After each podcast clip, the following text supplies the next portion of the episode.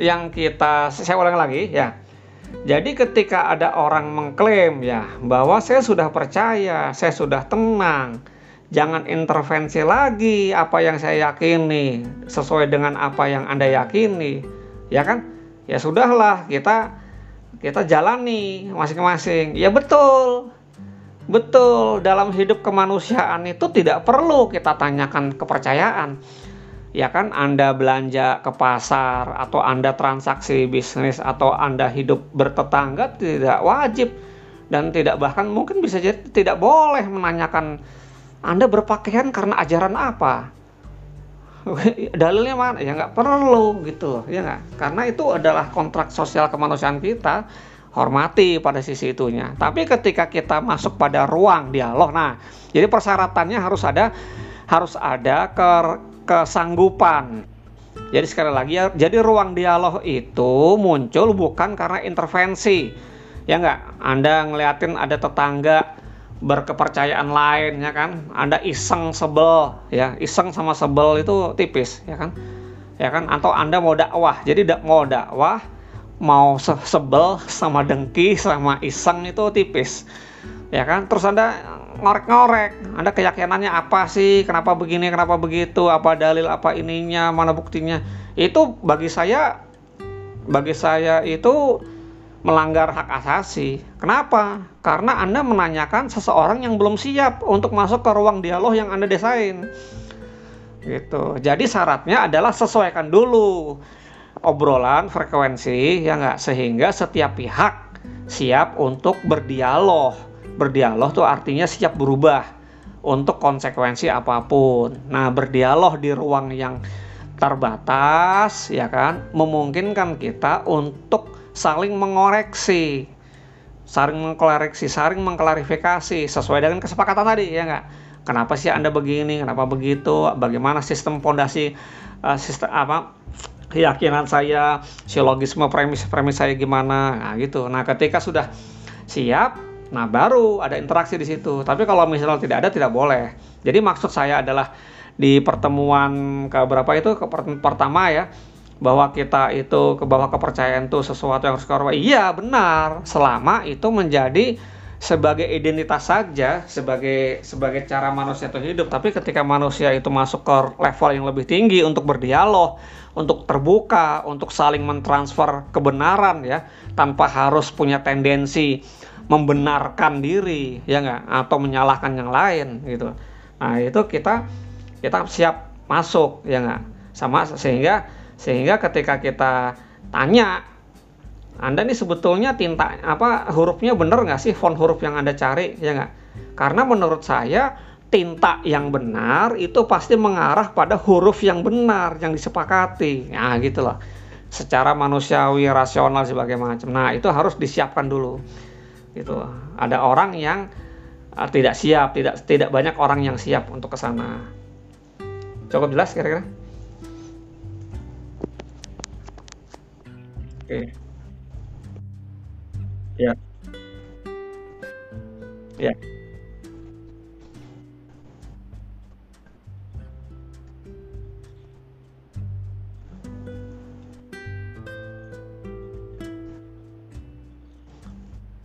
Ya rasional. Dalil rasional. Iya, dalil rasional. Premis-premis logika yang ketat. Itu aja. Jadi kita tidak butuh sensasi. Sekali lagi sensasi itu masalah pribadi ya. Ya kan? Kita ya ya ya dalil rasional apa tunjukkan gitu. Karena itu aja. Jadi uh, iya. Iya, paling tepat. Kalau kalau saya kalau di dalam training training itu istilahnya itu prosesor. Prosesor yang paling tinggi, paling maju. Gitu.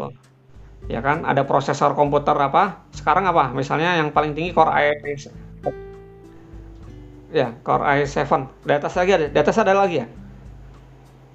Di atas Core i7 ada nggak? Oh ya oke okay, oke. Okay. misalnya Core i7 generasi 10 kan itu ya. itu lebih tinggi ya kan? Tapi apakah orang yang pakai Core i5 itu salah? Salah nggak? Orang yang pakai komputer Core i5 nggak salah ya kan? Dia sesuai kapasitasnya. Jadi problemnya bukan pada bukan jadi gini jadi problem itu ada dua ya nggak pertama pada kapasitas terus yang kedua pada masalah kesiapan kalau saya bekerja pada satu ritme kerja dan volume kerja yang tinggi, maka saya harus siap meninggalkan Core i3 saya, langsung lompat ke Core i7. Kenapa? Karena saya bisa jumut. Saya jadi orang bego, saya jadi orang tolol kalau hidup di dunia Core i3. Karena apa? Karena saya melihat ada yang nggak beres nih, gitu. Maka mau nggak mau saya harus loncat ke Core i7 di generasi yang paling tinggi. Kenapa? Karena beban kerja saya, volume kerja saya, target saya juga harus cepat, harus jelas. Gitu. Ada orang yang hidupnya sudah cukup bukan dengan Core i3, cukup dengan mesin ketik. Coba bayangin. Ya kan? Kenapa? Ini zamannya komputer internet. Enggak ah, saya suka dengan bunyi mesin ketiknya seperti ada sensasi seperti saat memasukkan kertas, masang tinta, gitu. Ada orang begitu, ya kan? Tentu Anda tahu ya nggak bahwa itu sebetulnya hanyalah pembenaran dari kegaptekan dia, kan gitu kan? Gitu, ya kan? Tapi kan Anda maklumi saja, ya memang levelnya di sana. Terus Anda mau paksa, pakai segala dalil anda Anda datangkan Steve Jobs, ya almarhum Anda datangkan Bill Gates untuk menjelaskan betapa bodohnya orang pakai mesin tik yang enggak lah. Sesuai kapasitas gitu. Ya kan? Ada orang hidup cukup dengan mesin tik. Ada orang di pelosok sana merasa kesadaran bahwa dia pakai batu tulis pun sudah cukup pakai kapur. Gitu terus kita mau salahkan? Yang enggak lah. Sesuai aja. Disesuaikan saja. Nah problemnya ada orang yang punya phone punya prosesor Core i7 dengan generasi tertinggi. Ya enggak? Makainya cuma mesin ketik. Makainya cuma MS Word. Ya enggak? jadi dia punya segala macam install ini itu sangat lengkap dengan multimedia sangat lengkap ya nggak? Makainya cuma ngetik tugas. Kuliah. MS Word lagi. Times New Roman 12 lagi. Coba. Coba. Coba. Gimana lo? Gimana lo memahami orang kayak gitu? Ya kan? Ya bagi saya sih ya ya itu pilihan. Cuma kan sayang aja ya nggak sayang aja gitu Nah, saya menganggap manusia itu dimungkinkan untuk melintas beyond ya. Melintas batas dari segala macam prosesor sehingga kita punya hayalan tingkat tinggi. Nah, itu harus bisa. Gitu. Tugas kita itu mencari kebenaran sebagaimana kebenaran itu sendiri. Bukan mematok kebenaran sesuai dengan tendensi kita sesuai dengan interest dan motif kita gitu. Yeah.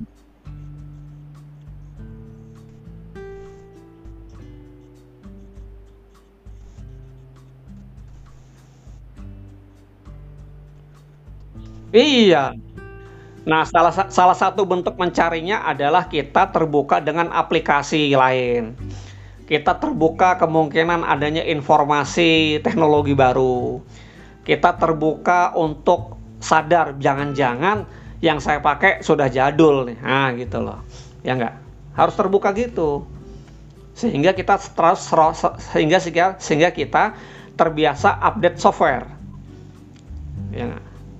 Kita terbiasa update software Nah, agar agar software kita itu waras ya gak? agar agar kita itu terhindar dari virus-virus tendensi sensi sensor ya, apa uh, sensing apa uh, insting-insting ya nggak? Motif-motif pribadi ya nggak? Karena karena tendensi motif-motif instinktif. Ya maka kita perlu pakai lembaga agama yang berbentuk prosesor itu atau font huruf itu kita tamengi dengan antivirus. Antivirus yang asli itu logis, logika. Jadi kalau logikanya benar, maka antivirusnya berjalan. Tapi kalau logikanya salah, pasti antivirusnya bajakan. Ya enggak? Ya kan? Salah satu antivirus bajakan adalah Anda mudah terbu terbuai dengan otoritas, padahal tidak logis, tidak rasional, gitu. Gitu. Nah banyak tuh kayak gitu, ya. Oke, jelas? Silakan.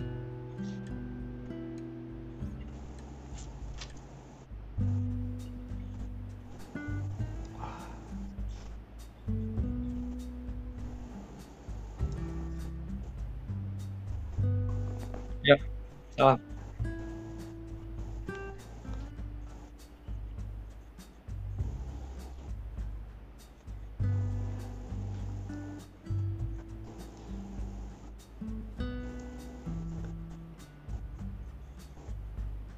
Perbedaan izin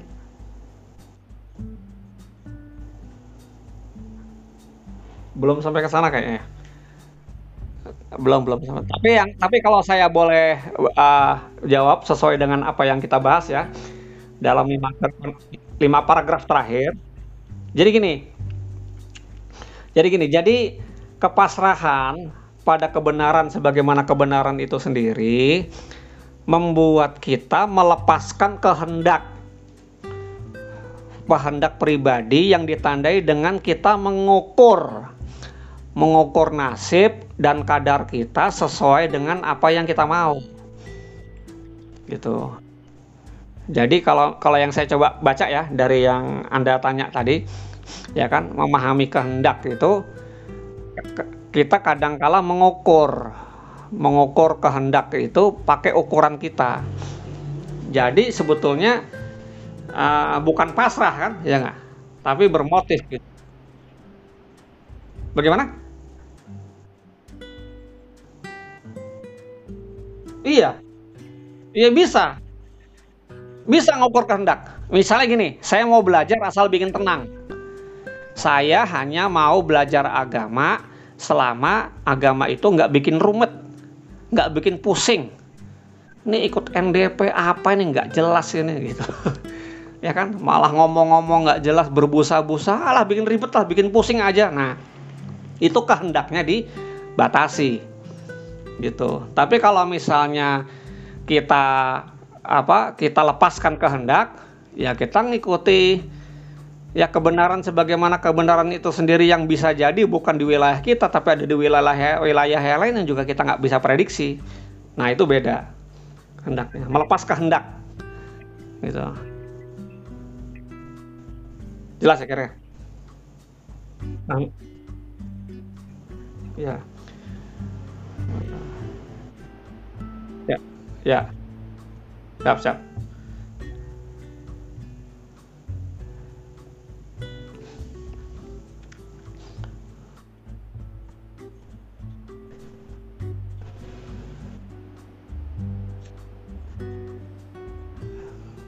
Kalau bingung nanya ya. Jadi jadi saya dengan Anda itu ngobrol ya, bukan ceramah ya. Bukan ngasih khotbah enggak. Saya ngobrol sebagai pribadi ke kawan-kawan. Ini cuma masalah dialog gitu loh. Ya kan? Dengan modal teks yang sama. Jadi artinya mudah-mudahan dengan kesadaran saya sepenuhnya itu saya cuma memberikan tafsir atas teks yang juga anda kuasai kan gitu jadi bisa jadi ada pendapat yang berbeda atau kalau anda kalau di antara kawan-kawan merasakan ketidakjelasan tinggal tinggal tanya aja gitu ya.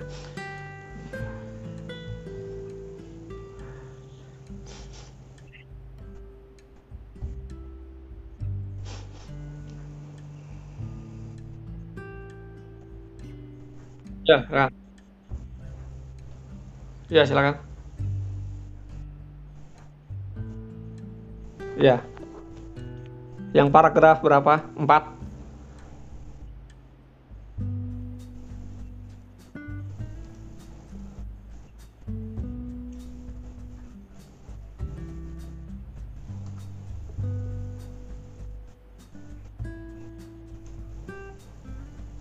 Gimana gimana gimana? Ke, ke, kebenaran tuh?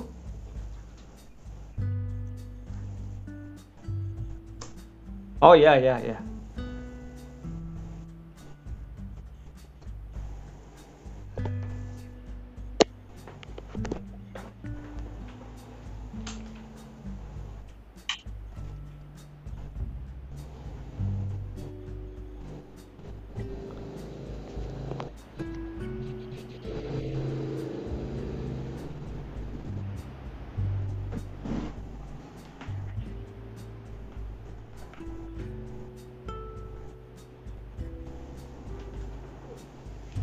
Yang jadi gini.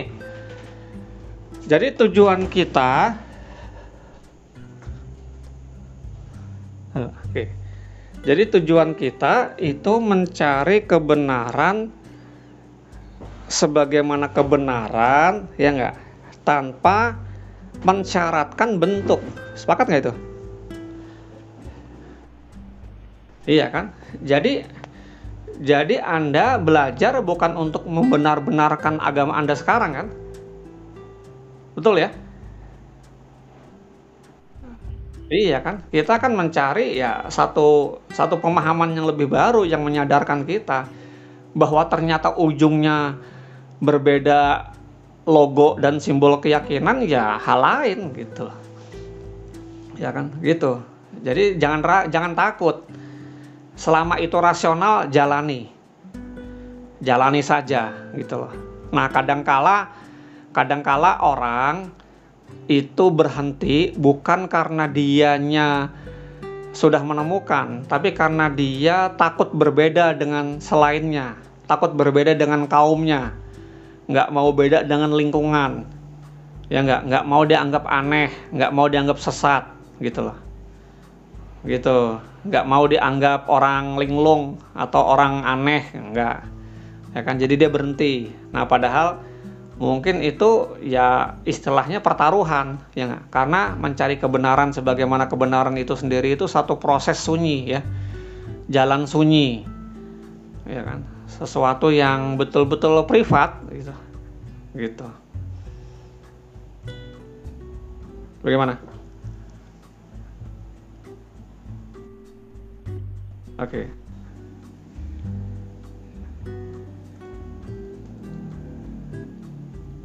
Oke, yang lain? Ya. Ya.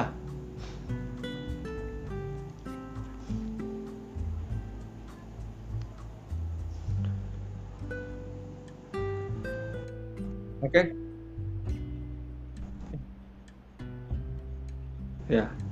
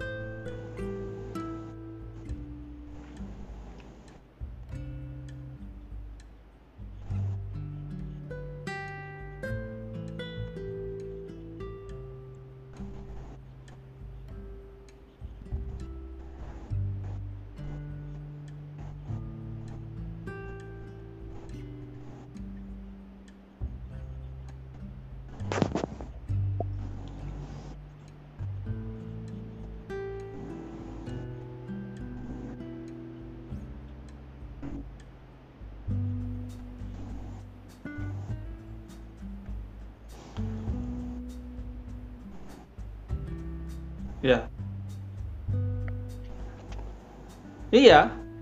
Ya, yang paling dekat saat ini bukan final ya. Yang paling dekat saat ini. Jadi doa kita, Hah? Iya.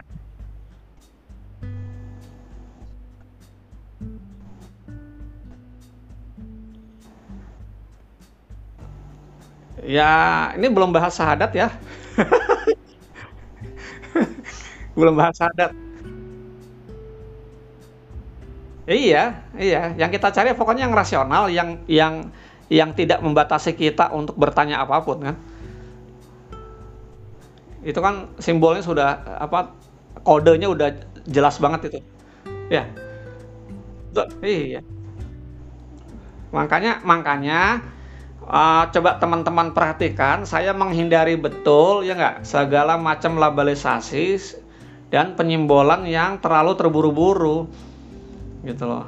Karena harapan saya apa yang kita rekam didengar orang lain, ya kan, itu bisa bisa menjadi jalan buat diskusi lebih lanjut, gitu loh. Anda juga bisa ngobrol dengan selain lingkungan Anda, gitu maksudnya, ya kan? maksudnya ke sana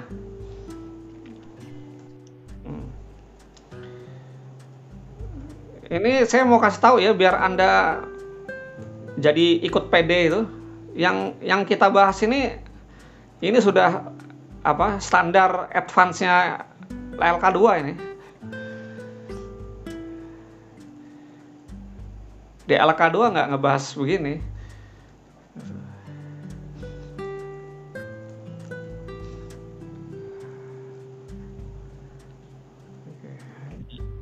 Ya, silakan. Tiga menit lagi, ya.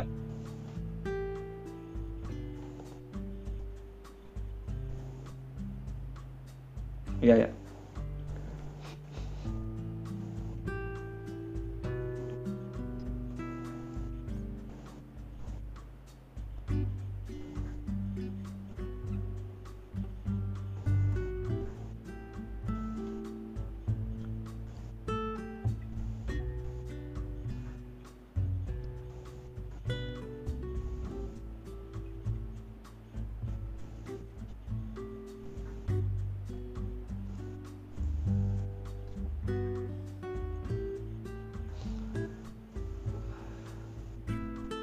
harus sepakati dulu definisi ideologi karena jangan-jangan berbeda ya. Pemahaman kita tentang teks ideologi itu berbeda. Kalau saya memahami ideologi itu apa sih? Konstruksi ide ya.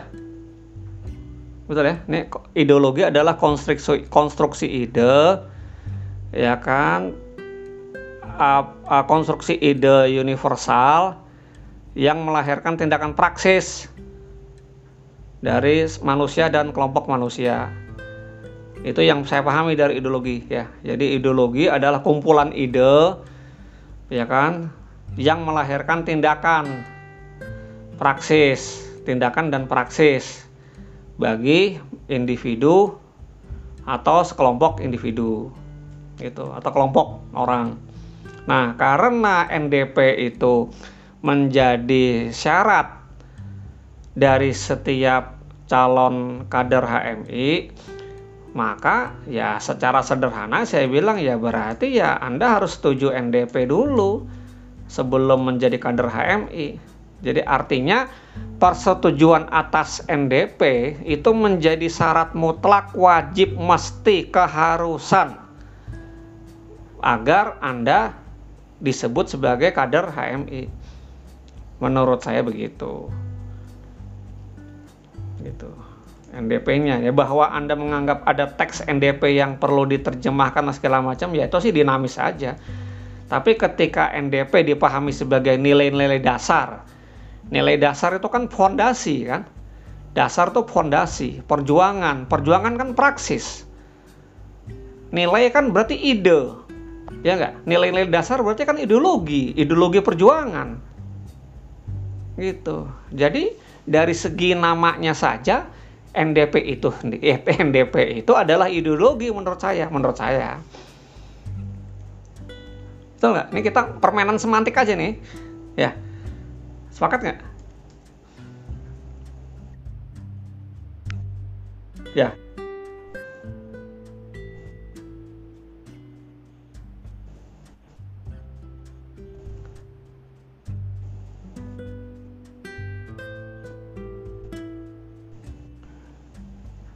Ya gitu, saya nulis ya.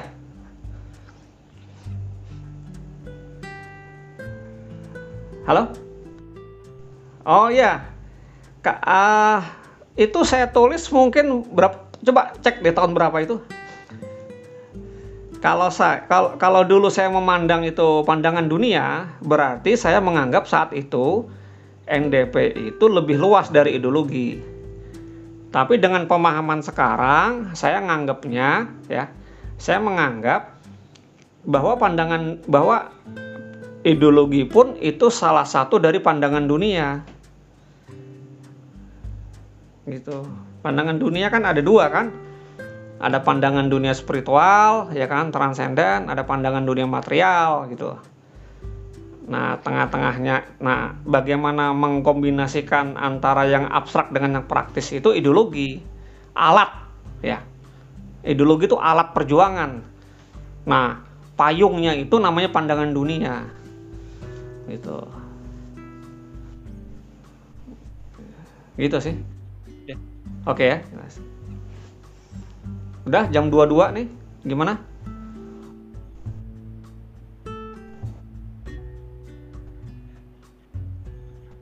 ya iya iya tapi waktunya ya biar konkret gitu misalnya mulai kalau 1745 ya tulis saja 1745 gitu Karena secara psikologi saya merasa terganggu ditulisnya setengah 8, sudah nongkrongin setengah 8, harus nungguin orang lain 15 menit. iya. Oke, oke. Iya, maksudnya biar kita biasa tertib. Artinya itu juga buat cambuk saya juga jangan sampai saya uh, apa saya harus menghormati kesediaan teman-teman ya kan dengan tepat waktu gitu.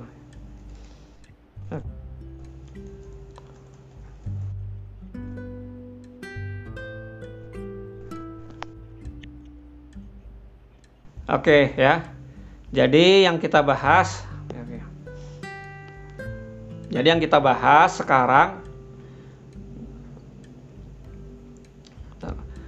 uh, yang kita bahas paragraf 5 bicara tentang bagaimana kita menganut kebenaran sebagaimana kebenaran itu sendiri yang menghasilkan satu kesimpulan bahwa kebenaran sebagaimana kebenaran itu sendiri itu punya dimensi yang universal, maha meliputi, tidak terbatas, yang disimbolkan sebagai Tuhan dan penolakan ketu apa dan kepercayaan kepada ketuhanan itu melekat pada diri manusia sejak kesadaran eksistensi manusia itu muncul gitu.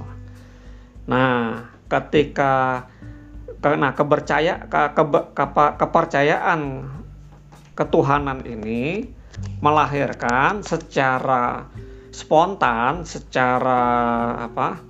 Bukan secara spontan, kepercayaan kepada ketuhanan memastikan, memastikan, meniscayakan, berkonsekuensi pada kepada penolakan kita terhadap segala realitas yang tidak sempurna atau terbatas atau berdimensi yang kita yang kita sebut sebagai realitas-realitas yang saya simbolkan kesadaran ini seperti kita melihat tinta ya kan sebagai analogi dari kebenaran dan kita melihat huruf sebagai analogi dari kenyataan atau realitas-realitas yang majemuk, yang ganda, yang plural, yang terbatas gitu.